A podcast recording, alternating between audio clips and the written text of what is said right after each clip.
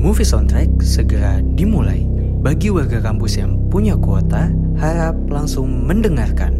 Movie soundtrack all around you. Sel, gue mau nanya Sel sama lu. Apa, Wak? Eh. Kamu nanya apa nih? Lu punya karakter robot yang lu suka gak sih? Bumblebee. Oh, main Transformer ya? Transformers. Iya, itu lucu banget warna kuning karena gue suka warna kuning. Oh karena kuning. Gitu sih. Kalau lu Kalau gua Gundam. Gundam, Gundam apaan tuh? Nah, kebetulan banget nih. Jadi tuh eh, Gundam tuh kayak robot banyak eh, orang-orang yang zaman-zaman sekarang nih hobi ngerakit Gundam. Robot Gundam tuh nggak jauh beda kayak robot-robot eh, yang tadi lu suka kayak Bumblebee gitu. Bumblebee kayak Transformer gitu ya? Nah, iya. Nah, kayak Transformer juga nih, Sel. Jadi Gundam itu pengen ngerilis film nih. Wow, film apa nih? Live action berarti ya kalau robot. Ya? Iya, iya bener live action. Jadi eh, Gundam ini tuh eh, bakalan hadir dalam sebuah film live action gitu. Jadi Netflix tuh udah ngumumin secara eh, langsung gitu ya, terang-terangan bahwa eh, Gundam tuh bakalan eh, ada gitu dengan karangan dari Yoshiyuki Tomino. Nah, jadi eh, sutradara ini tuh kayak sutraba- sutradara si Jordan Vogt Robert tuh kayak Robertson. apa ya? Iya itu dia tuh kayak dipercaya Jadi buat kasih percaya ya gitu. bener kayak disuruh ngegarap proyek. Soalnya kan dia kan udah pernah eh, ngebuat film yang keren-keren tuh ya kayak film Ong School Island kayak gitu-gitu. Nah, gue jadi makin eh, penasaran sih sama filmnya karena eh, ini Gundam ini tuh lagi hype banget Sel. Oh iya iya, gue pernah denger sih, gue pernah apa namanya, pernah baca di artikel mana kalau Gundam ini bakalan hadir di Netflix, tapi gue nggak mendalamin sih. Jadi eh, apa namanya, yang setahu gue ini si Gundam ini tuh melibatkan studio animasi Jepang Sunrise ya. Ya ya. Dia dari Jepang gitu, ya yang merupakan cikal bakal pokoknya kisah robot Gundam ini nih. Nah, Gundam sendiri ini pertama kali muncul dalam serial TV berjudul Mobile Suit Gundam pada tahun 1979. Bener nggak? Bener. Gue sempat baca tuh. Nah, tapi nih Sel, buat eh, mungkin warga kampus yang belum tahu eh, Gundam bakalan ada filmnya. Nah, di sini gua sama Sheila eh, bakalan lebih bahas eh, bakalan bahas lebih dalam lagi nih tentang film Gundam. Nah, eh, Gundam ini gue yakin bakalan rame banget ditonton karena eh, banyak orang yang sekarang tuh kayak action figure tuh eh, apa ya udah terlalu banyak gitu ya untuk Gundam dan banyak rakitan-rakitan permainan Gundam. Jadi eh, bener-bener eh, wajib untuk eh, dikawal terus nih informasi tentang perilisan film Gundam nih. Bener banget. Gue eh, mau kasih tahu sedikit nih tentang cerita Gundam latar belakangnya si Gundam ini ya. Nah pada era Universal Century, sebuah era di mana polisi umat manusia itu terus meningkat. Nah jadi itu menyebabkan orang-orang yang migrasi ke koloni keluar angkasa. Jadi dia pengen keluar angkasa. Akhirnya orang-orang yang tinggal di koloni mencari otonomi mereka dan melancarkan perang gitu deh pokoknya si Gundam-Gundam ini buat warga kampus harus tahu banget nih ternyata banyak banget hal-hal yang menarik yang bisa kita pelajarin dari si Gundam ini ya Bener banget. Nah, gimana Shell?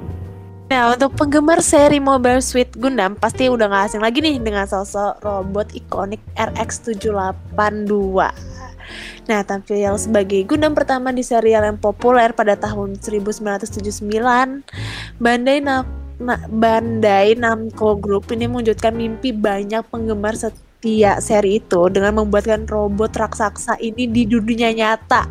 Udah gila gak sih? Gila. Robotnya itu bener-bener dibikin nyata sama si apa namanya Bandai Namco Group ini nggak kebayang gue bener-bener nggak kebayang Bener. nah terletak di luar Gundam Factory di Yok Yokohama RX782 ini Gundam memiliki ukuran tinggi sebe setinggi 18 meter dan berat 25 metrik ton. Sebagaimana dilansir dari Sora News 24. Bandai Namco Group ini membangun robot Gundam ini sebagai upaya memperingati 40 tahun penanyangan series Mobile Suit Gundam. Gitu. Nah, buat warga kampus yang masih belum kebayang nih kayak gimana bentuknya, langsung search saja di Google uh, uh, apa Gundam di Yokohama tipenya tuh RX 782 gitu. 82. Itu beneran keren banget sih tingginya. Wah, gue bakalan takjub banget sih kalau misalnya gue bener kalau misalnya gue ngeliat langsung gitu, lu bakal kayak ngerasa takjub gak sih, Ih, Sel? Ini keren banget, gue nggak bohong, gue udah ngeliat ngecek di Google gitu. Ini tuh emang keren banget, sekeren itu. Bener, lu bayangin aja ada robot depan lu segedung gitu loh. Itu keren banget, gila. Mantep mantep sih. Gue gue juga kayak jadi wah gila ini keren banget sih. Eh, berarti kan eh, pembuatan robot setinggi itu kan juga pasti kan karena banyaknya eh, antusias orang-orang yang suka Gundam ya makanya dibuatin kayak gitu. Keren banget sih.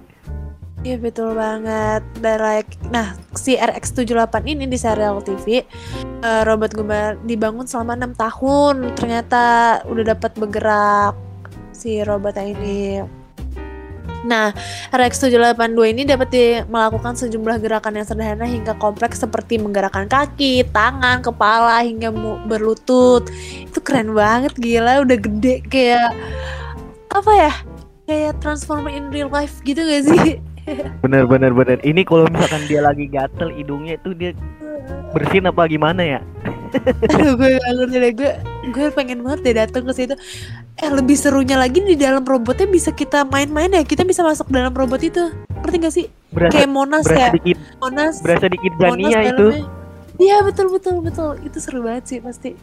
Nah, nih buat warga kampus yang masih penasaran tentang Gundam langsung eh, makanya ditonton nanti nih di Netflix eh, tentang Gundam nih biar makin kerasa gitu suasana Gundamnya gitu ya Shell ya.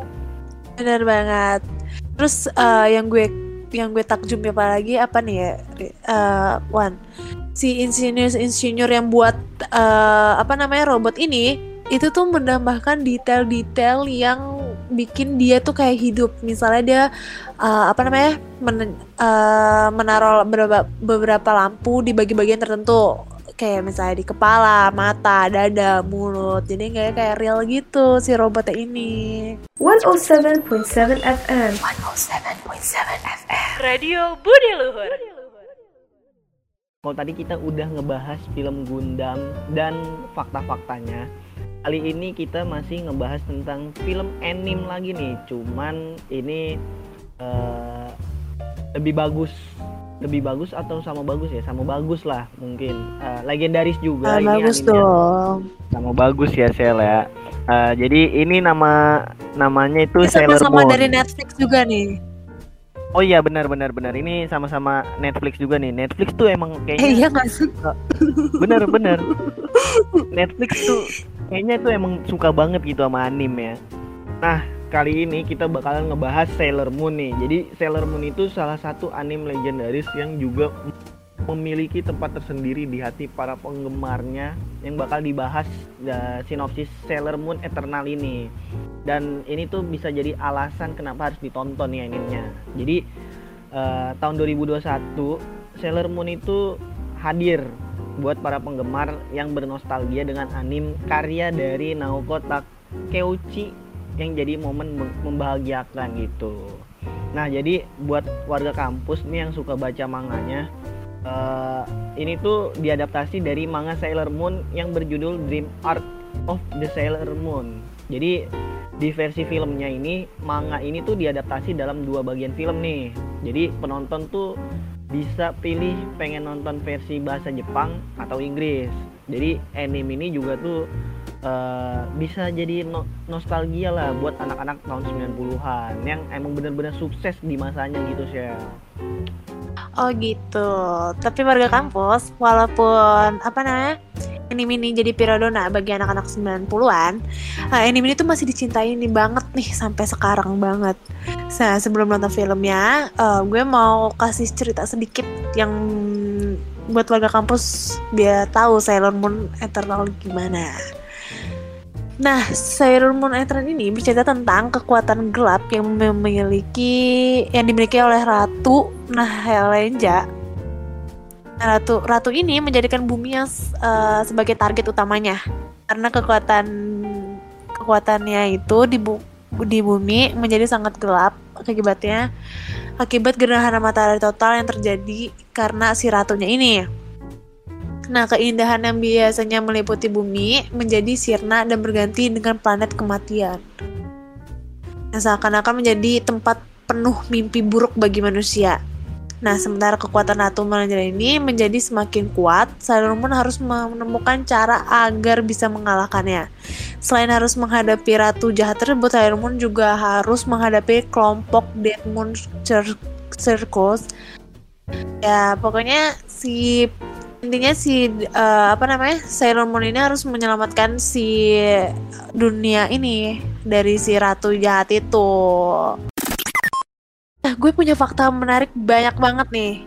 Eh, gue sama Wan bakal ngebacain nih. Eh, yang pertama ada Naoke Techo. Pak asik. Gue udah jago bahasa Jepang belum Wan? Udah udah mantep mantep mantep. Besok langsung beasiswa mantep aja ya? kali ya. Oke, yang pertama ada Nao- Naoko Teikuchi, pengarang Sailor Moon adalah istri dari Yushihiro Togashi, yaitu pengarang Hunter and X Hunter. Itu anime juga warga kampus bisa banget langsung nonton aja tuh ya kedua film itu. Nah, nih Sel, ini tuh gue tuh kayak suka banget eh kayak ngebayangin gimana ya dari seorang pasangan suami istri itu tuh eh, pengarang dari suatu anim juga gitu. Nggak kebayang sih gue setiap malam tuh dia obrolannya tuh kayak gimana gitu ya. Kan Kalau suami istri biasanya kan ngomongin masalah ya, kalau malam-malam atau ngomongin yang romantis-romantis. Ini dia ngomongin film kerjaan.